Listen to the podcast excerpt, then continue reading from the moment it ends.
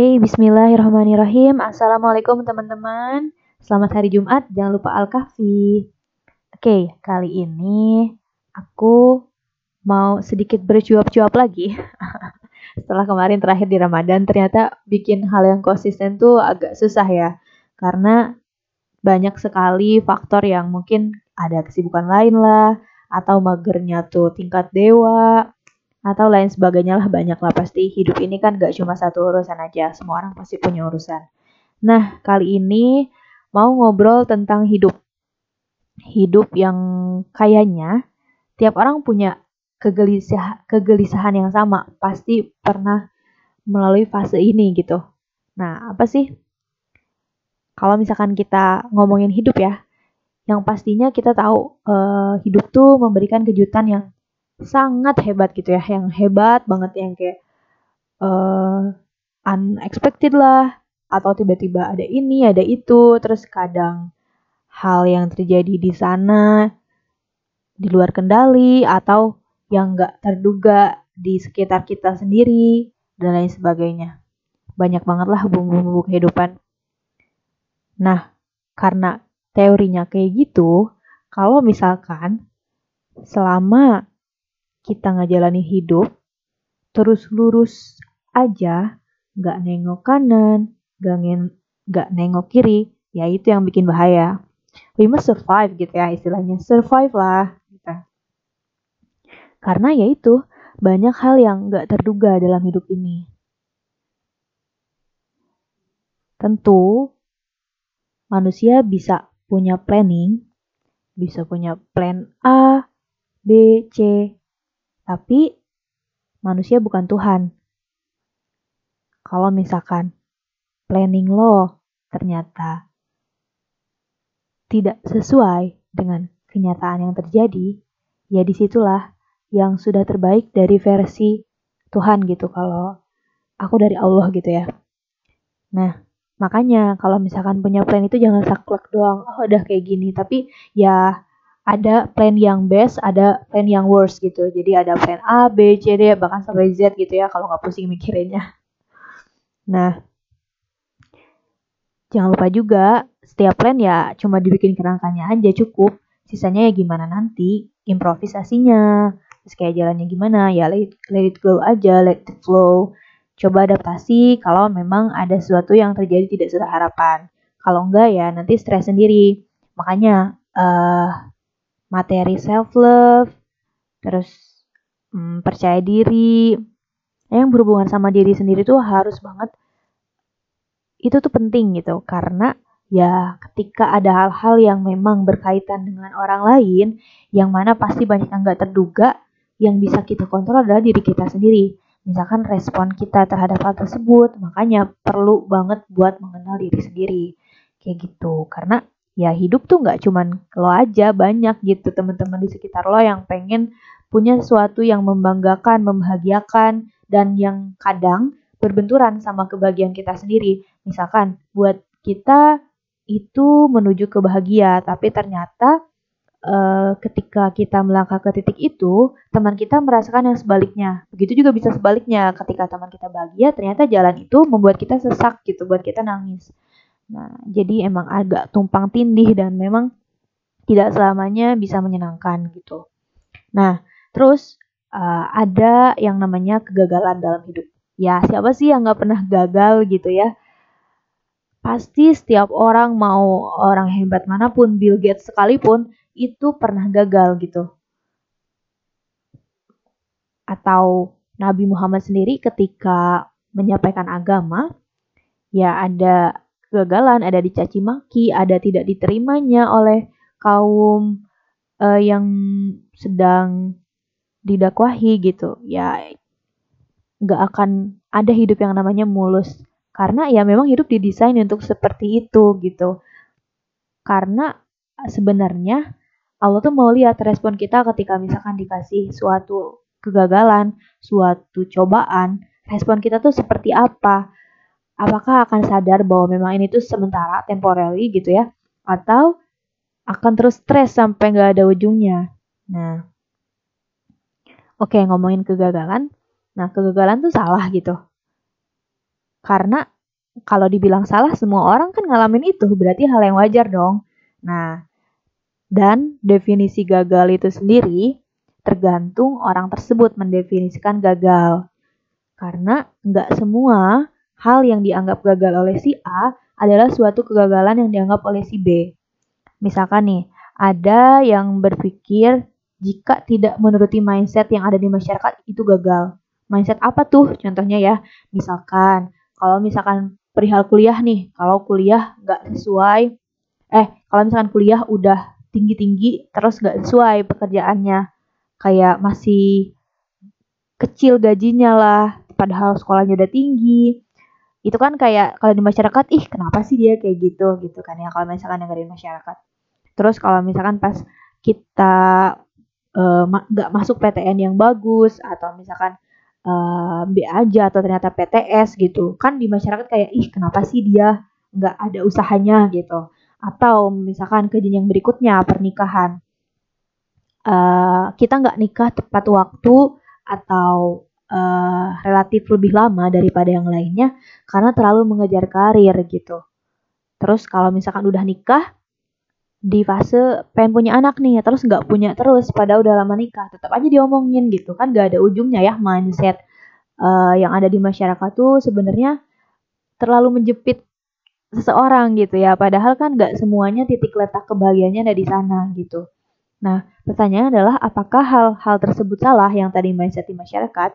Ya, pada akhirnya tergantung mindset kita sendiri. Apakah menganggap itu suatu kesalahan atau uh, ya itu wajar gitu ya it, it's my life atau kayak gitu. Nah, jadi kalau misalkan menghargai setiap detik yang kita lalui dan merasa itu berharga, semua pencapaian hidup itu, walaupun salah di mata orang-orang, gak sesuai sama apa yang diinginkan masyarakat, yaitu bukan kegagalan. Kalau kita memandangnya seperti itu. Nih, coba dibalik. Apa sih salahnya dengan pekerjaan kamu sekarang yang misalkan masih gajinya dikit atau gak terlalu bagus, kalau ternyata enjoynya hidup tuh didapetin dari hal tersebut gitu dengan kamu punya pekerjaan itu kamu sangat bahagia terus apa salahnya kalau nikah tua kalau memang ternyata di balik nikah tua tuh ada target yang memang harus dicapai dan dari target itu ada kebahagiaan tersendiri gitu buat diri kamu nah terus apa yang salah kalau misalkan gak masuk PTN yang ternama padahal kan keberkembangan otak manusia itu bukan bergantung pada lingkungannya, tapi pada manusia itu sendiri. Dia mau grow atau enggak. Dia mau stuck di satu titik atau mau maju. Percuma kalau PTN-nya ternama tapi dianya tidak mau untuk bergerak bersama-sama. Begitu kan?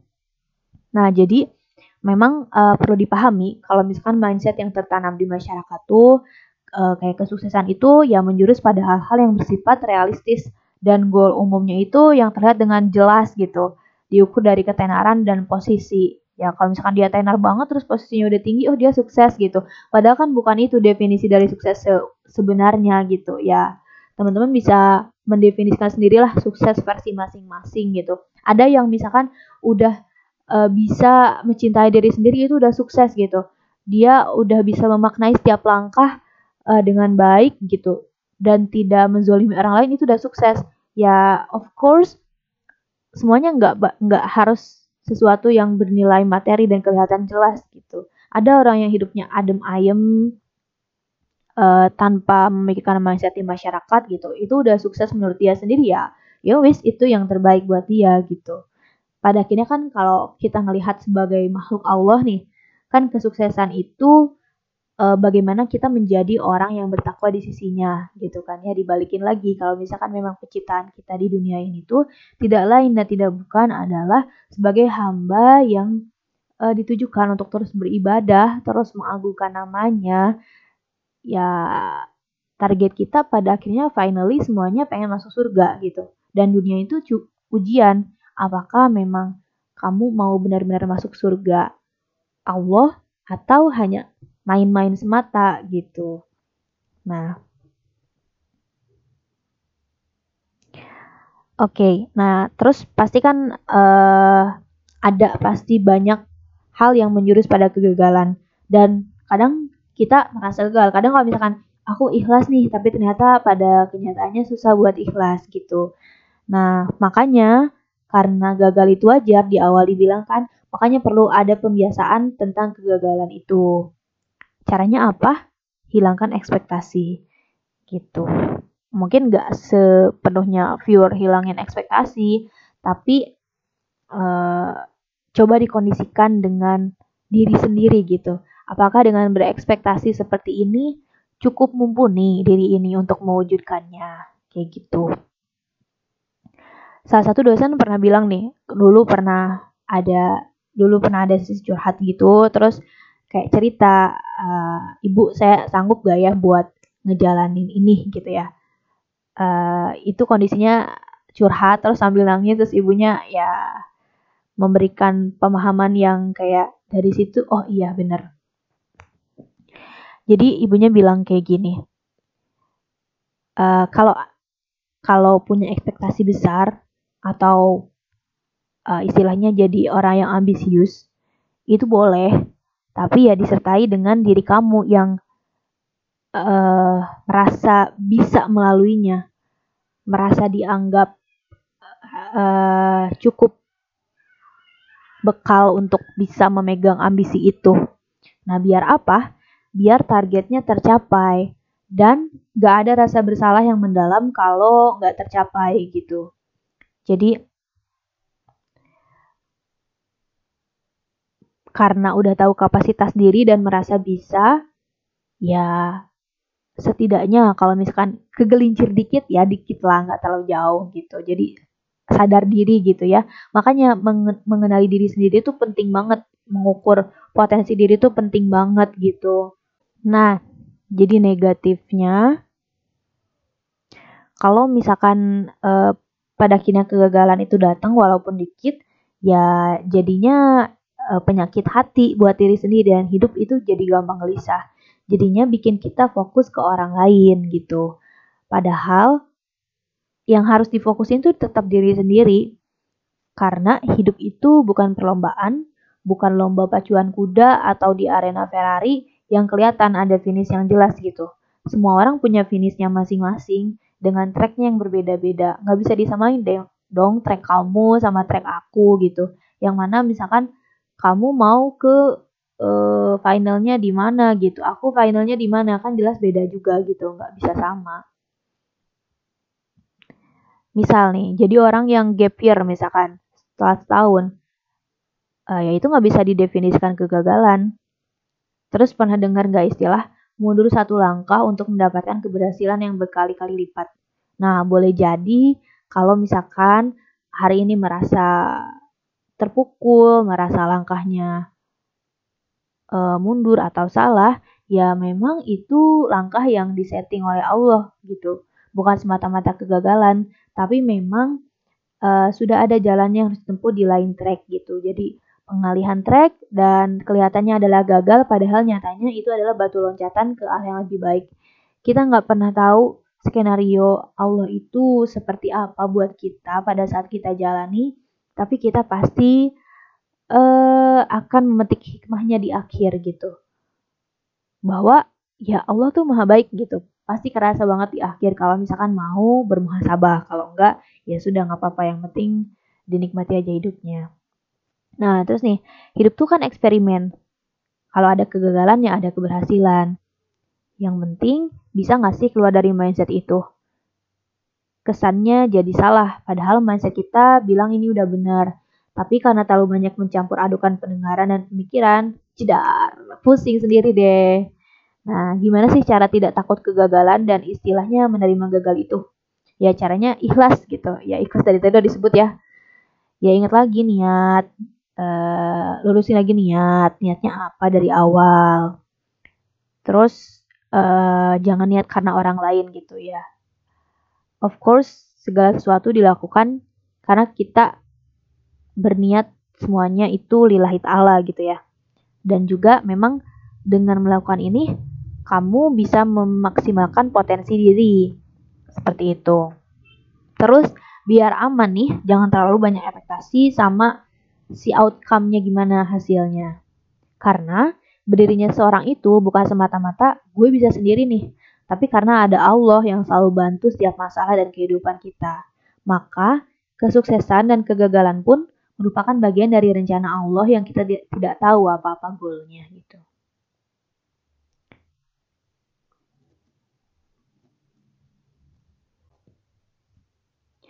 Terus penting banget nih, perlu banget buat menghargai usaha yang telah dilakukan. Percaya kalau kita itu capable, apresiasi setiap hard work yang udah dilakuin, and love your life gitu. Jangan coba-coba buat compare hidup dengan orang lain. Damai sama diri sendiri dan jangan iri sama orang lain. Contohnya nih, di Instagram sering banget orang-orang yang ngumbar kehidupan mewah dan menyenangkan versi mereka. Mereka yang kelihatannya main terus, terus uh, cantik banget sih perawatan gitu. But we know we have our own life gitu. Jangan gara-gara versi mereka yang kelihatannya asik, versi bahagia kita bentuknya jadi sebuah keraguan gitu. Padahal sebenarnya kita baik-baik aja. Dan setiap orang punya capable-nya masing-masing. Contohnya nih, aku sudah merasa bersyukur bisa kuliah di universitas yang saya tidak pernah nyangka sebelumnya. Terus gak kesusahan dalam hal makan, tempat tinggal gratis selama 4 tahun, percayalah saya asrama selama 4 tahun, banyak orang yang sayang dan saya juga menyayangi banyak orang. Teman-teman saya juga banyak dan keluarga saya juga ngasih perhatian yang luar biasa ke saya. Ketika saya sakit, saya pulang, saya dirawat dengan penuh cinta. Lalu apalagi yang kurang gitu. Ya bersyukur itu kunci hidup. Lalu ikhlas. Dan yang terpenting, goals itu ada buat tetap terpacu akan kehidupan ini. Appreciating your life. Karena hidup itu playground for learn setiap masalah, tangisan, keberhasilan, kegagalan, itu semua ajang pembelajaran buat diri sendiri yang pastinya berbeda dari yang lain. Oke, sekian dulu podcast kali ini, bincang-bincang cuap-cuapnya. Semoga uh, yang hari ini merasa guna gulana atau punya kegelisahan yang sama bisa sedikit terobati. Sampai jumpa di next podcast. Next cuap-cuap.